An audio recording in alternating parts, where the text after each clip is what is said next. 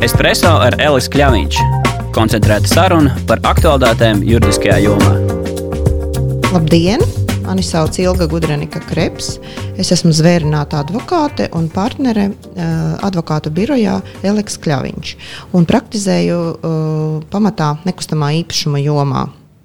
Un līdz ar to loģiski uh, gribēju jums šodien pastāstīt par aktualitātēm nekustamā īpašuma jomā.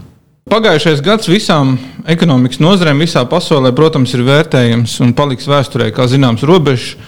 Robežu šķirtnes laiks, un šobrīd jau mēs runājam par to, ka ir šis laiks pirms tā saucamās vīrusu ekonomikas. Un cerams, ka drīz varēsim runāt par to, ka ir laiks pēc tās saistībā. Protams, vispirmām kārtām jau ar pūļu imunitātes sasniegšanu ekonomisti jau prognozē atgūšanos šī gada otrajā pusē. Uh, un e- ekonomikas pieaugumu. Uh, nekustamo īpašumu jomā, um, protams, ir ļoti daudz un dažādi faktori, kas šo nozari ir ietekmējuši un turpinās ietekmēt, sākot no tā, ka mēs savu darbu organizējam no mājām, uh, no tā, ka ir apstājusies turisma nozare, kas noteikti ietekmē pieprasījumu pēc nelieliem dzīvokļiem. No otras puses ir noliktavu bizness, kas visticamāk šobrīd piedzīvo augšupēju. Uh, un šodienas sarunā mēs parunāsim plašāk par to, kas ir un kas būs aktuāls nekustamo īpašumu jomā pamatā Latvijā. Jā, nu, sāksim ar to, ka pagājušais gads ir bijis ļoti neviendabīgs. Uh, bija mums strikti ierobežojumi pavasarī, kad zināms atslābums vasarā sekoja. Un tad drīz jau daudzi jau prognozēja un gaidīja drīzu ekonomikas atkopšanos, bet tad sekoja otrais vilnis, ko mēs izjūtam vēl tagad. Uh, un visticamāk līdz vasarai arī vēl izjutīsim. Un kā varbūt skatoties uz pagājušo gadu, jūs kopumā vērtējat, vai nekustamā īpašuma nozare ir apstājusies pavisam, ir sastingusi un gaida, šo nē? Jā, gads bija patiešām ļoti interesants. Un, sākoties pandēmijai, bija liels apmulsums. Un, iespējams, kaut kāda gaidīšanas brīdis bija. Sāka notikties dažādas lietas ar nomu, ar īri. Iespējams, kaut kādi projekti, tika, attīstības projekti tika iesaldēti. Bet uh, jāatzīst, ka šis mūsums bija salīdzinoši neilgu laiku, jo vērtējot uh, no mūsu biroja skatu punkta, sākot ar vasaru, vasaras otro pusi, ļoti aktīvi. Uh, notiek dažādas lietas nekustamā īpašuma jomā. Gan uh, teiksim, mēs redzam, ka būvniecība iet uz priekšu, īpaši šobrīd uh, to var redzēt mājokļu sektorā gan eh, arī tiek uh, risināti nomas jautājumi, un, protams, viennozīmīgi notiek darījumi.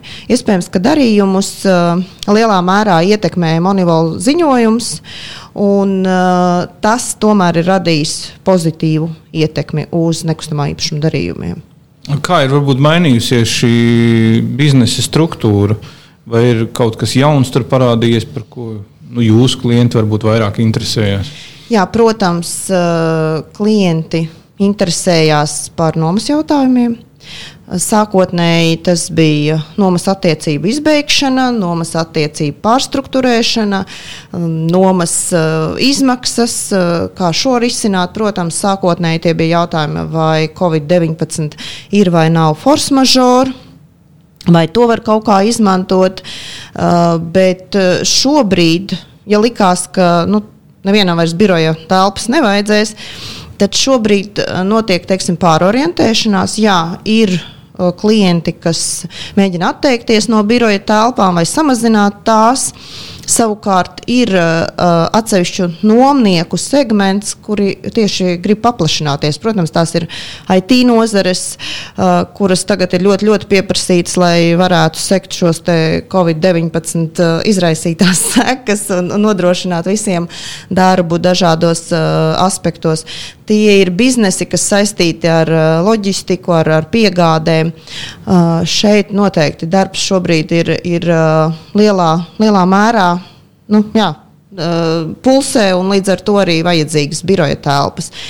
Un atkal tie, kas slēdz jaunus nomas līgumus um, prasa noteikti daudz lielāku fleksibilitāti, un uh, iznomātāji principā ir spiesti. Acīm redzot, pielāgoties šai situācijai. Tā fleksibilitāte gan tiek prasīta gan uz telpu samazināšanas iespējām, gan uz telpu palielināšanas iespējām. Jā. Tas, tas laikam ir tāds. Uh, nu, visaktīvākais, kur mēs redzam tādas kolīzijas, iespējams, notiek un kur tiek mēģināts risināt jautājumus, rast kompromisus. Jā, jūs pieminējāt Moneyval eh, ziņojumu, un jāsaka, ka līdz eh, tā parādīšanās bija tāda mm, pat īstenībā vai, vai, vairāk nekā gadu. Es atceros tādu regulāru Rīgas, Viļņas un Tallinas nekustamo īpašumu tirgu salīdzināšanu kur Rīga vienmēr pēc dažādiem parametriem bija stipri atpalikusi.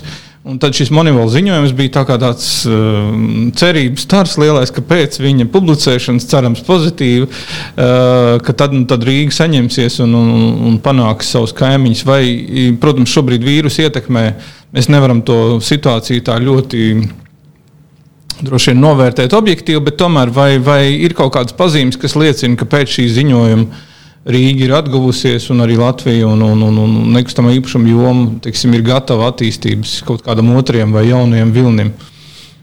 Noteikti, kā jau es minēju, no vasaras otras puses mēs jūtam stabilu uh, darījumu skaita pieaugumu, un tiešām darījumu ir daudz.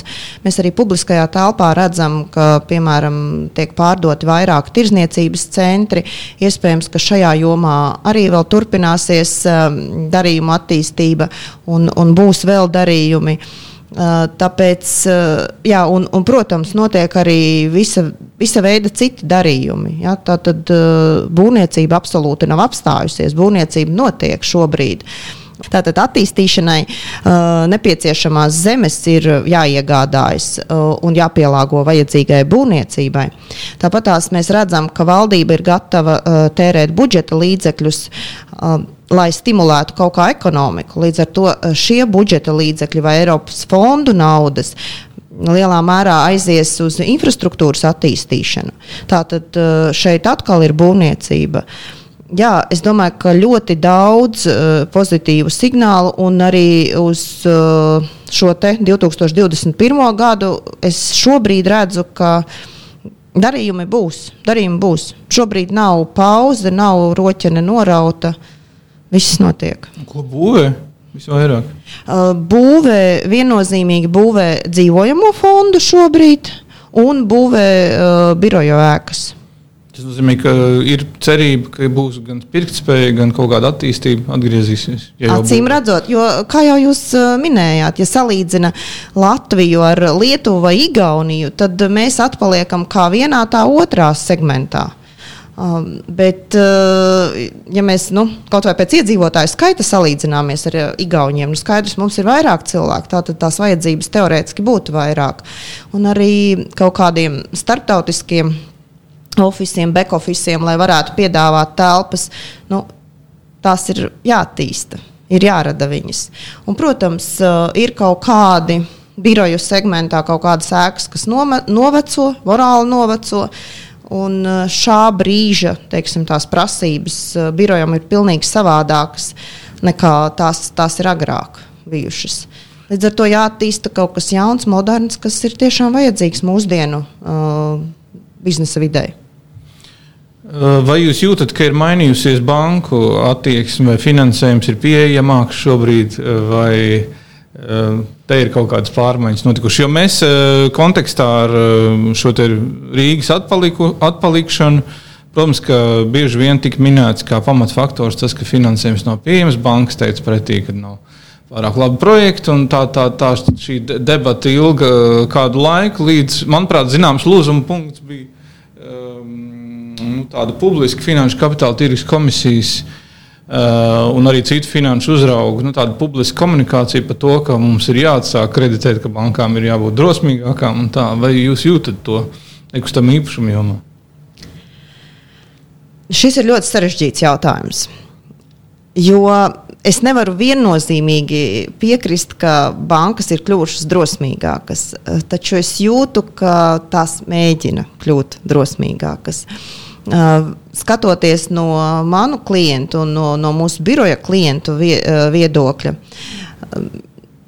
neiet vienkārši.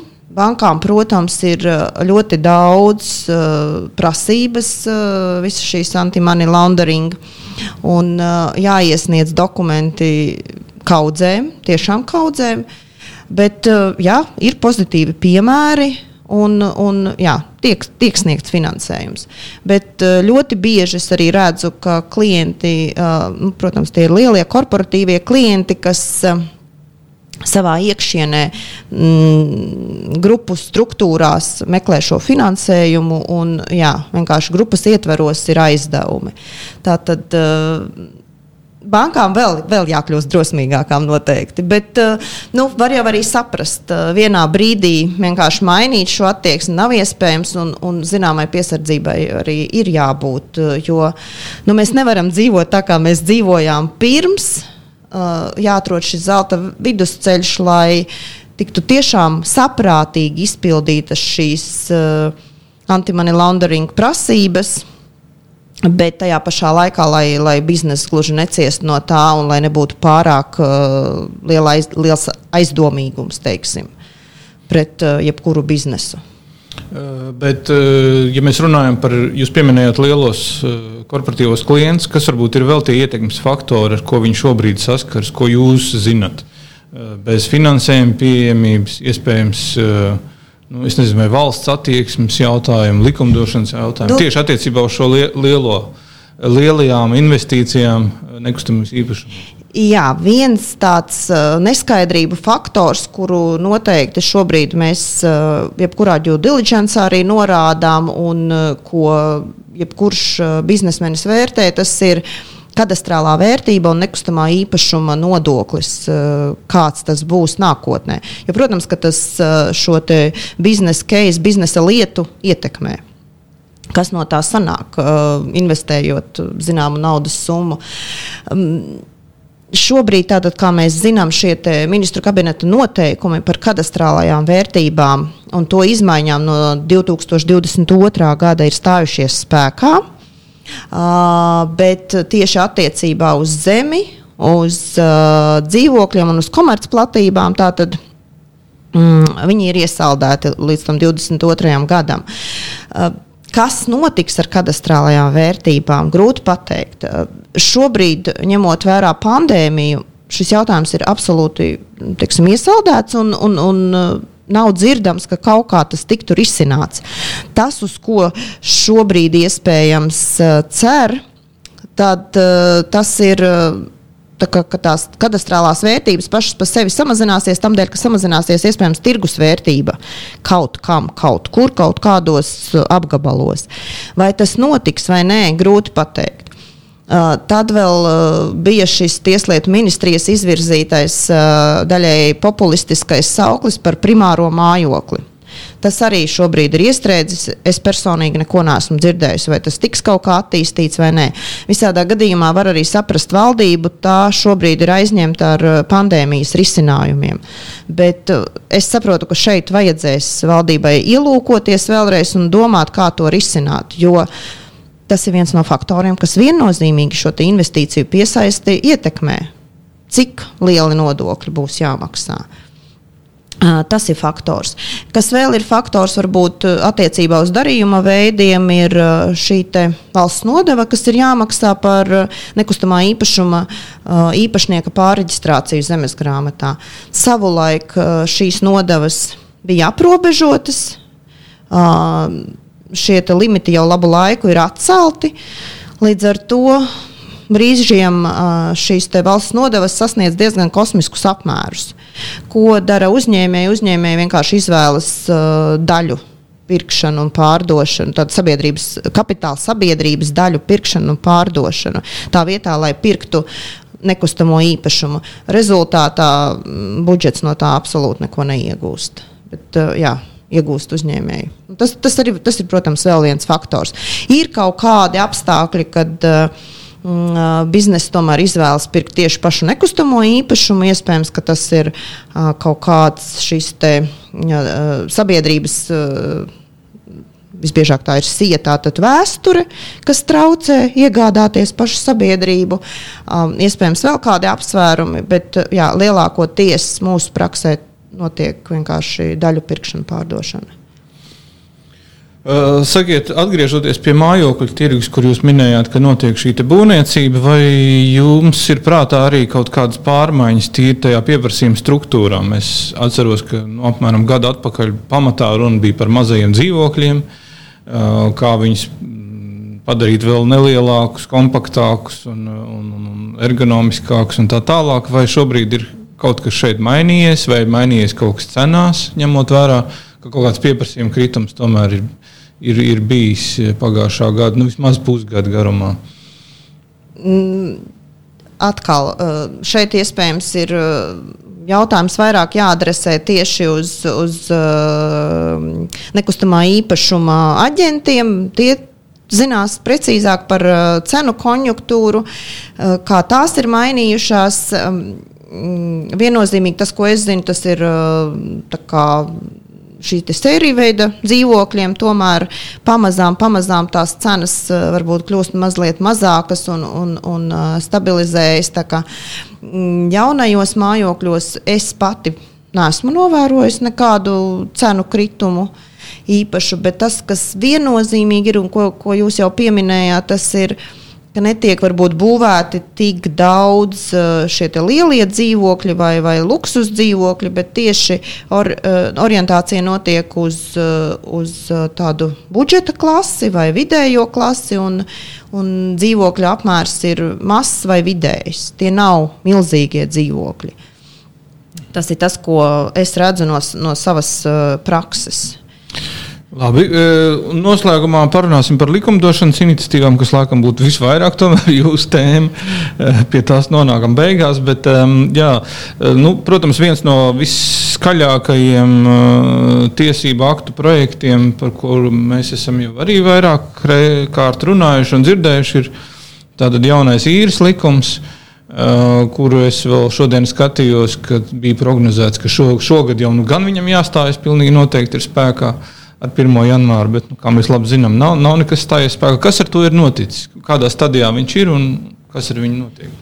Jā, uh, dzīvojamo telpu īres likums uh, ir šobrīd saimā. Uh, tas ir pieņemts uh, otrajā lasījumā un uh, notiek karstas debates uh, komisijā. Uh, priekšlikumu ir daudz, un, uh, protams, uh, mēģinājumi sabalansēt eh, šī likuma ietveros gan īrnieka, gan eh, izīrētāja. Eh, izīrētāji tātad tiesības un pienākumus prasa savu. Līdz ar to tiešām notiek karstas debatas. Bet cik tālu manā rīcībā ir informācija, tad ir cerības, ka ir vēl kāda viena, divas, nu, trīs komisijas sēdes, un tad tas likumprojekts tiks laists uz trešo lasījumu.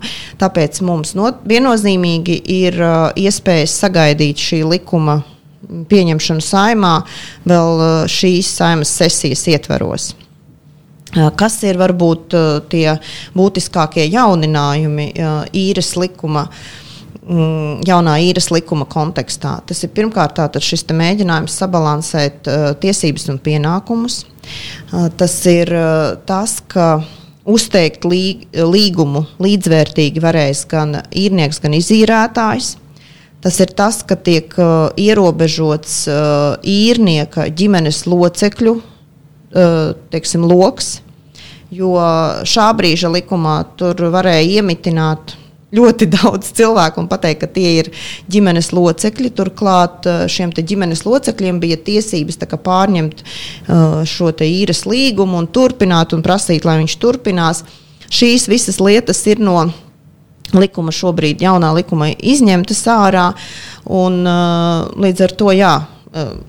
Ģimenes locekļi nevarēs pārņemt vienkārši īres uh, līgumu.